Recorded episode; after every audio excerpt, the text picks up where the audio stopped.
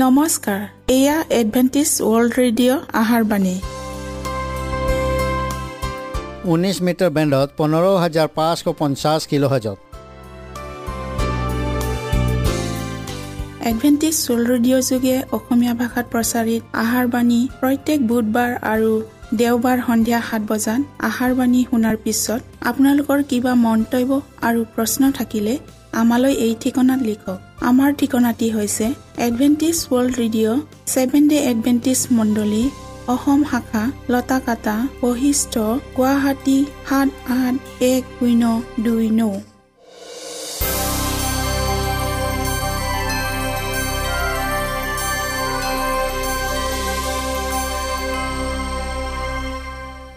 প্ৰিয় শ্ৰোতা বন্ধুসকল এতিয়া শুনো আহক এটি খ্ৰীষ্টীয় ধৰ্মীয় গীত।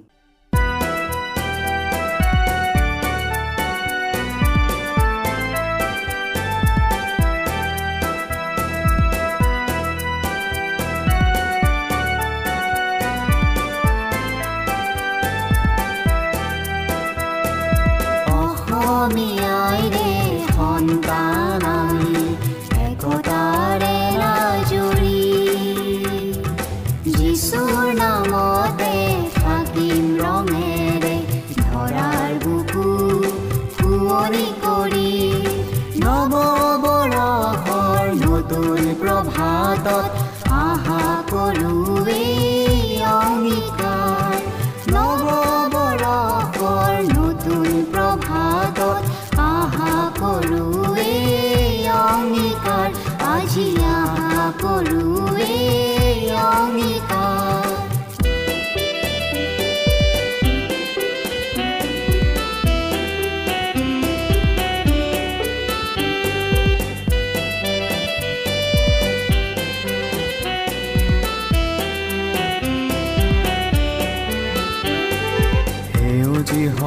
ভৰালো ইতৰ পাৰতে।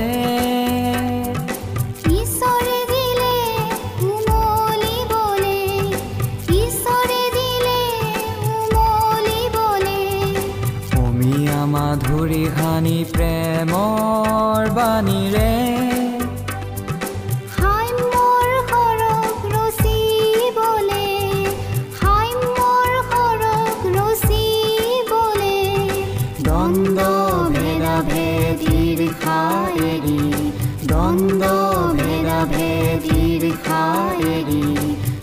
উপচাম পাৰ সৰগী সুসমাৰে উপচাম পাৰ সৰগী সুসমাৰে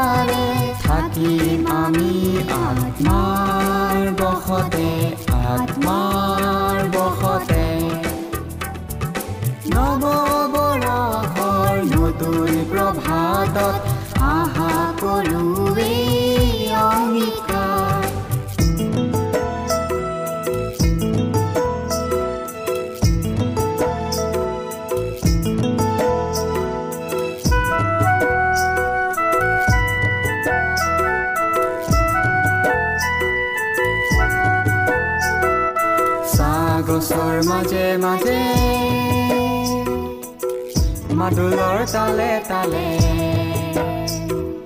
চাহ গছৰ মাজে মাজে মাদুলৰ তালে তালে। প্ৰভু যীশুৰ জুৱলিব মাদুলৰ তালে তালে। প্ৰভু যীশুৰ জুৱলিব মাদলৰ তালে তালে। কলিজাতে গোল খনা কলিজাতে গোল খনা ক্ষমাৰ বাণীৰে সিঁচি শান্তিৰ বীজ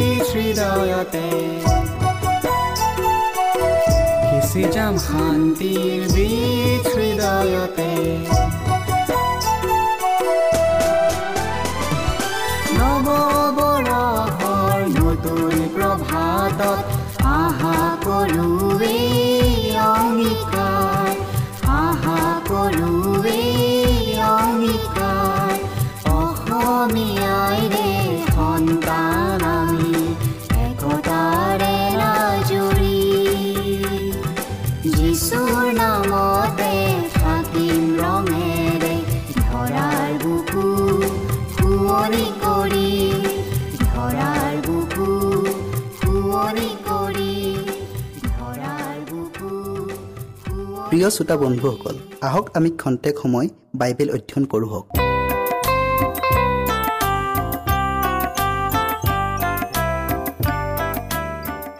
আজিৰ বিষয় হৈছে অভিযান অৰ্থাৎ ঘৰলৈ উভতি আহা যীশু পাপীবিলাকৰ উদ্ধাৰৰ অৰ্থে মানৱ জনম লৈ এই ধৰালৈ আহিল। এই দৃষ্টান্তত পতীত মানৱ জাতিৰ প্ৰতি পিতৃ ঈশ্বৰৰ প্ৰেম আৰু কোনো এজন পাপী লোকে অনুতাপ কৰি সৎ পথত ঘূৰি আহিলে স্বৰ্গত ঈশ্বৰৰ সাক্ষাতে দূতবিলাকে কিমান আনন্দ কৰে বাইবেলত একমাত্ৰ এঠাইত যীশুৱে তিনিটা বিভিন্ন দৃষ্টান্তেৰে বুজাই দিছে। দৃষ্টান্তকেইটা হ'ল হেৰুৱা মেৰ হেৰুৱা আধলি আৰু অপব্যয় পুত্ৰ। যীশুৱে হেৰুৱা মেৰৰ দৃষ্টান্তত এইদৰে কৈছে কোনো এজন মানুহৰ এশটা মেৰ ছাগলী জাকৰ পৰা এটা মেৰ ছাগলী হেৰাই গ'ল। ৰখীয়াজনে নিৰান্নব্বৈটা মেৰ ছাগলী হাবিৰ মাজত এৰি হেৰুৱাটোক বিচাৰি উলিয়াই বন্ধু আৰু চুবুৰীয়াৰ সৈতে আনন্দ প্ৰকাশ কৰে। তদ্ৰূপ মন পালতোৱা এজন পাপীৰ অৰ্থে ঈশ্বৰৰ সাক্ষাতে স্বৰ্গত তাতকৈ অধিক আনন্দ হয়। যীশুৱে দ্বিতীয় দৃষ্টান্তৰ দ্বাৰাই আৰু ক'লে কোনো এজনী তিৰোতাৰ দহোটা আধলিৰ এটা হেৰাই যোৱাত তাই চাকি জ্বলাই ঘৰ সাৰি নোপোৱা মানুহলৈকে বিচাৰি আছিল। আৰু যেতিয়াই তাই হেৰুৱা আধলিটো বিচাৰি পালে নিজৰ সখী আৰু চুবুৰীয়া তিৰোতাৰ সৈতে লগ লাগি আনন্দ কৰিলে। এই দ্বিতীয় দৃষ্টান্তটোত যীশুৱে দোহাৰিছে মন পালতোৱা পাপীৰ অৰ্থে স্বৰ্গত ঈশ্বৰৰ সাক্ষাতে তাতকৈ অধিক আনন্দ হয়। উপৰোক্ত দৃষ্টান্ত দুটা তুলনা কৰিলে হাবিত মেৰ ছাগলীটো জাকৰ পৰা আঁতৰি হেৰালে কিন্তু আধলিটো ঘৰৰ ভিতৰত হেৰালে। যীশুৰ বিৰুদ্ধাচৰণকাৰী শ্ৰোতাবিলাকে নিশ্চয় বুজি পাইছিল ঘৰ শব্দটোৱে জিৰচালেম আৰু জিহুদী জাতিটোক বুজায়। জাকত নথকা হেৰুৱা মেৰ ছাগলীটোৱে প্ৰতীক স্বৰূপে পৰজাতি বা অজিহুদী জাতিক আৰু ঘৰৰ ভিতৰত হেৰুৱা আধলিটো জাকত নথকা হেৰুৱা মেৰ ছাগলীটোৰ প্ৰতীক স্বৰূপে পৰজাতি বা অজিহুদী জাতিক আৰু ঘৰৰ ভিতৰত হেৰুৱা আধলিটোৱে ঈশ্বৰৰ বিশেষ লোক যিহুদী জাতিটোক বুজায়। মনত ৰাখিব হেৰুৱা মেৰ ছাগলীটো আৰু আধলিটো উভয় কেইগৰাকীয়ে বিচাৰি পালে। ঈশ্বৰে বিচাৰি নোপোৱাৰ কোনো কাৰণ থাকিবই নোৱাৰে।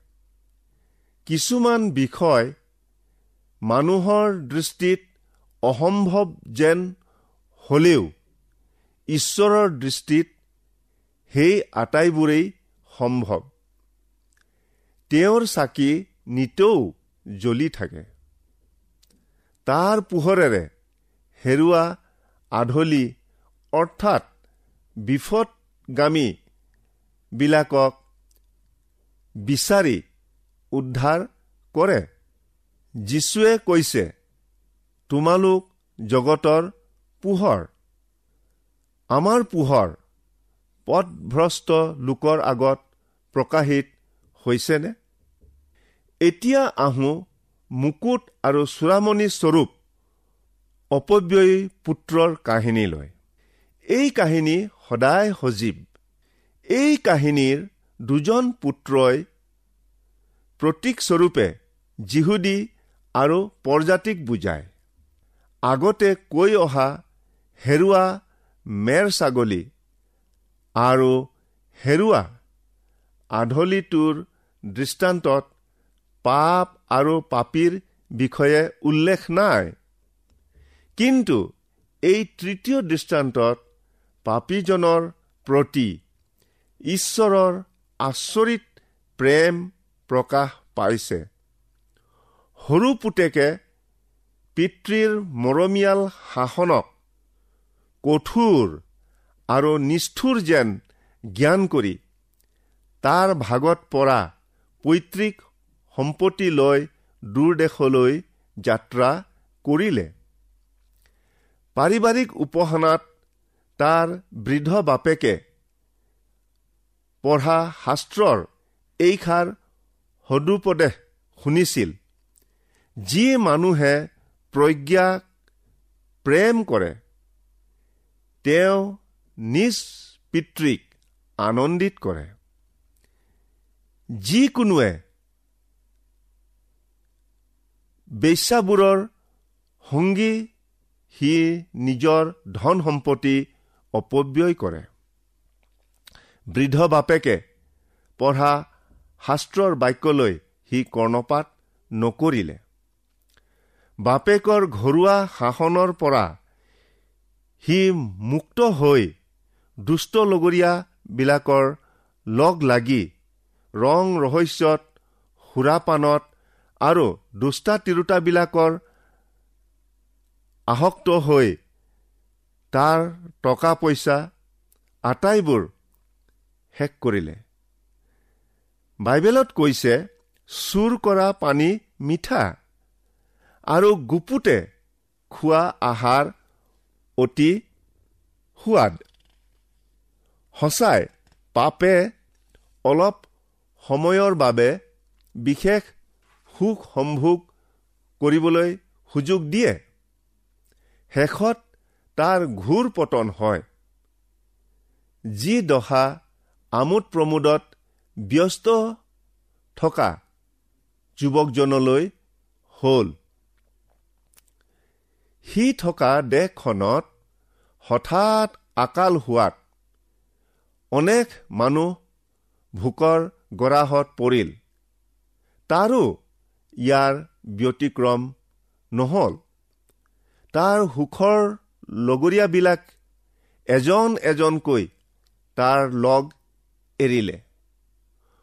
অৱশেষত বাইবেল শাস্ত্ৰত একেবাৰেই অহুচি বুলি উল্লেখ থকা জন্তু গাহৰি চৰোৱা কাম এটা সি পালে। যি কাম যিহুদীৰ পক্ষে অতি ঘৃণনীয়।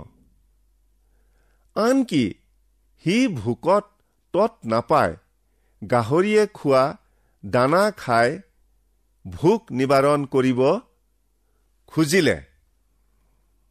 প্ৰিয় শ্ৰোতা বন্ধুসকল বাইবেলত কৈছে তেতিয়া সি চেতনা পাই ক'লে মোৰ পিতৃৰ ঘৰত কত চাকৰে? জোৰাকৈ আৰু তাতকৈও অধিক খোৱা বস্তু পাইছে। কিন্তু মই ইয়াত ভোকত মৰিছো। যদিও বাইবেলে তাৰ পিতৃগৃহ এৰি অহাৰ দিন সপ্তাহ আৰু বছৰ উল্লেখ কৰা নাই। তথাপিও তাৰ পিতৃগৃহৰ সুন্দৰ পৰিৱেশৰ ছবিখন মনলৈ আহিল। তাৰ বৃদ্ধ বাপেকে চাকৰবিলাকক মৰমেৰে ব্যৱহাৰ কৰা খোৱা বোৱাত কৃপণালী নকৰা ইত্যাদি। সেয়ে সি দৃঢ় প্ৰতিজ্ঞ হৈ ক'লে মই উঠি বোপাইৰ তালৈ গৈ এই কথা কম। বোপাই সৰ্গৰ অহিতে আৰু আপোনাৰ দেখাত মই পাপ কৰিলোঁ। আপোনাৰ পুত্ৰ বুলি মতাৰ আৰু যোগ্য নহওঁ। মোক আপোনাৰ এটা চাকৰৰ নিচিনা কৰক। এতিয়া সি ঘৰমুখী হৈ উভতি অহাত সি দূৰত থাকোঁতেই তাৰ বৃদ্ধ বাপেকে তাক দেখি মৰম লাগি লৰি গৈ তাৰ ডিঙিত ধৰি চুমা খালে। পুতেকেও নিজৰ পাপ ভুল ভ্ৰান্তিবোৰ স্বীকাৰ কৰিলে। বাপেকে তাৰ সেইবোৰ অনুনয় বিনয়লৈ কাণ নিদি ঘৰৰ ভিতৰলৈ তৎক্ষণাত আনি আটাইতকৈ উত্তম বস্ত্ৰ হাতত আঙুঠি আৰু ভৰিত জোতা পিন্ধালে। যীশুৱে কৈছে যিকোনোৱে তোমাক এমাইল বাট বলেৰে নিয়ে তেওঁৰ লগত দুমাইল যাবা। মৰমীয়াল বৃদ্ধ বাপেকে তাৰ লগত আৰু এমাইল বাট আগবাঢ়ি গ'ল। অৰ্থাৎ বৰভোজ পাতি আনন্দ কৰিব ধৰিলে। এনেতে বৰ পুতেকজন পথাৰৰ পৰা আহি ঘৰ নৌ পাওঁতেই আঠ বাটৰ পৰাই নাচ গানৰ মাত শুনি ঘৰৰ ভিতৰলৈ আহিবলৈ নোখোজিলে। বাপেকে তাক ঘৰলৈ আহিবলৈ অনুনয় বিনয় কৰা স্বত্তেও সি তৰ্ক বিতৰ্ক কৰি থাকিল। উক্ত দৃষ্টান্তক আধুনিক ভাৱ ভাষাৰে এজন মৰমীয়াল পিতৃ আৰু দুজন অপব্যয়ী পুত্ৰ বুলি ক'ব পাৰি। দুয়োজন পুত্ৰই হেৰাই গৈছিল। সৰু পুতেকজনৰ দৰে ডাঙৰ পুতেকজনো হেৰাই গৈছিল। দৰাচলতে ডাঙৰ পুতেকজনৰ অৱস্থা সৰু পুতেকজনতকৈ অধিক শোচনীয় আছিল। এজনে ঘৰৰ ভিতৰত হেৰালে।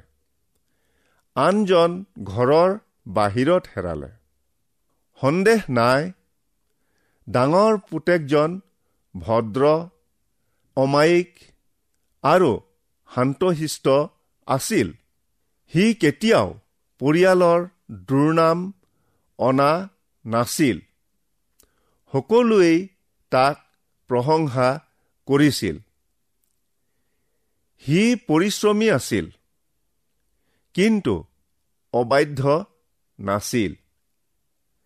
হলেও সি অত্যাধিক গোৰামী স্বভাৱৰ আছিল। সি বৃদ্ধ বাপেকৰ সৈতে তৰ্ক কৰোঁতে মোৰ ভাইৰ সলনি আপোনাৰ ল'ৰা বুলি কৈ অভিযোগ কৰিছিল। যীশুৱে কোৱা দৃষ্টান্তৰ দ্বাৰাই আমি বুজিছো বাপেকে নিজ সন্তানক স্নেহ কৰাৰ দৰে জিহুৱাই তেওঁলৈ ভয় ৰাখোতাবিলাকক কৃপা কৰে। অনুতাপিতজনে তেওঁৰ পথত উভতি আহিলে। ঈশ্বৰে কৈছে মই তোমাৰ অপৰাধবোৰ মেঘৰ দৰে আৰু তোমাৰ পাপবোৰ ভাপৰ দৰে দূৰ কৰিম। দুষ্ট লোকে তাৰ পথ আৰু অধৰ্মী লোকে তাৰ কল্পনা ত্যাগ কৰক আৰু জিহুৱালৈ ওলটি আহক। তাতে তেওঁ তাক কৃপা কৰিব। আমাৰ ঈশ্বৰলৈ ঘূৰি আহক। কিয়নো তেওঁ প্ৰচুৰ পৰিমাণে ক্ষমা কৰিব। ঈশ্বৰৰ অনুগ্ৰহৰ দুৱাৰ এতিয়াও আপোনালৈ মোলৈ খোলা আছে।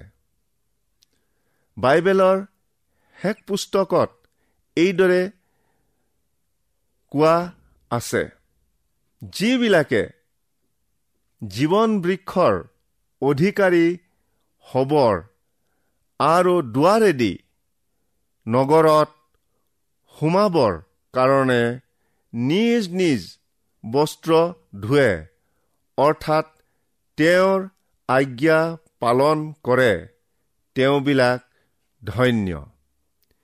এতেকে আজি যদি তোমালোকে তেওঁৰ মাত শুনিবলৈ পোৱা। তেন্তে তোমালোকৰ হৃদয় কঠিন নকৰিবা।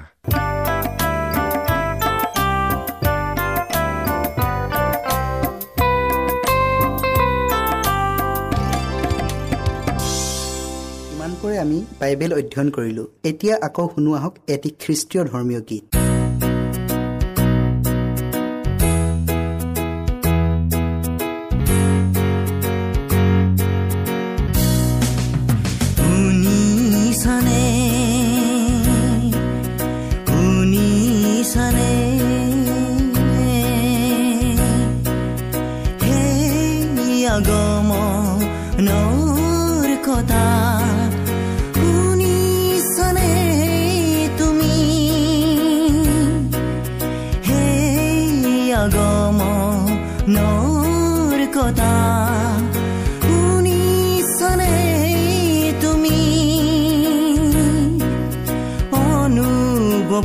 কৰিছানে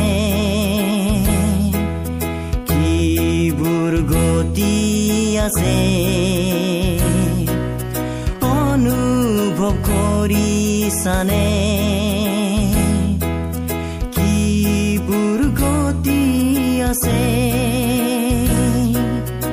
আৰু কিমান দিন থাকিবা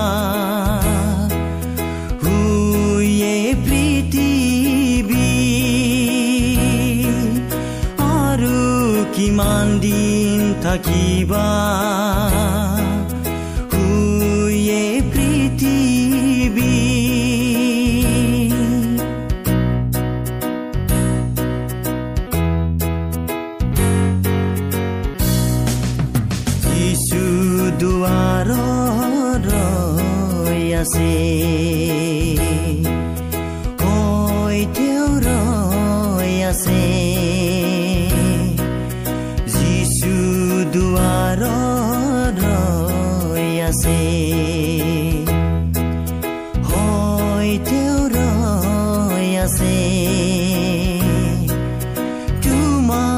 গ্ৰহণ কৰিব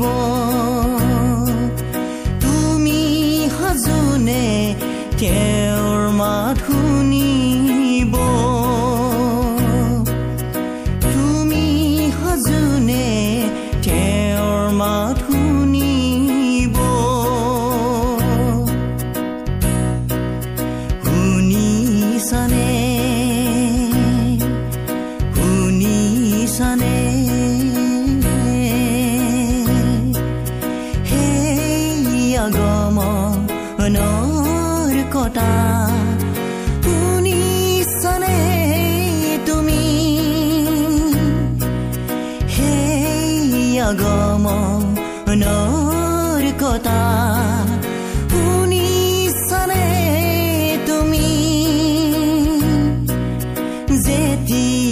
ধাৰ্মিক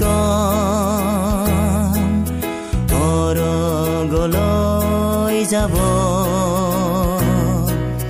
যেতিয়া ধাৰ্মিক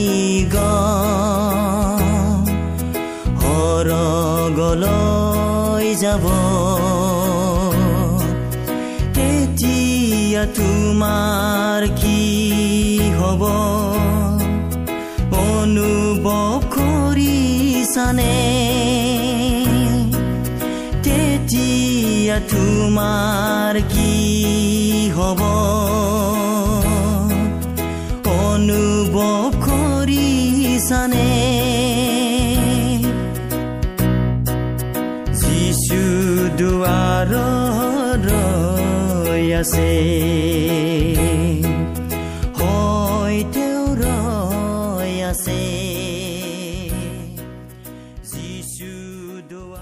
মনত ৰাখিব আমাৰ ঠিকনাটি পুনৰ কৈ দিছোঁ।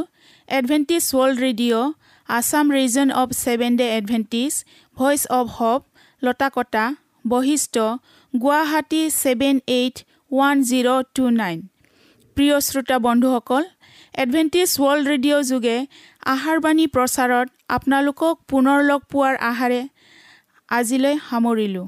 ধন্যবাদ।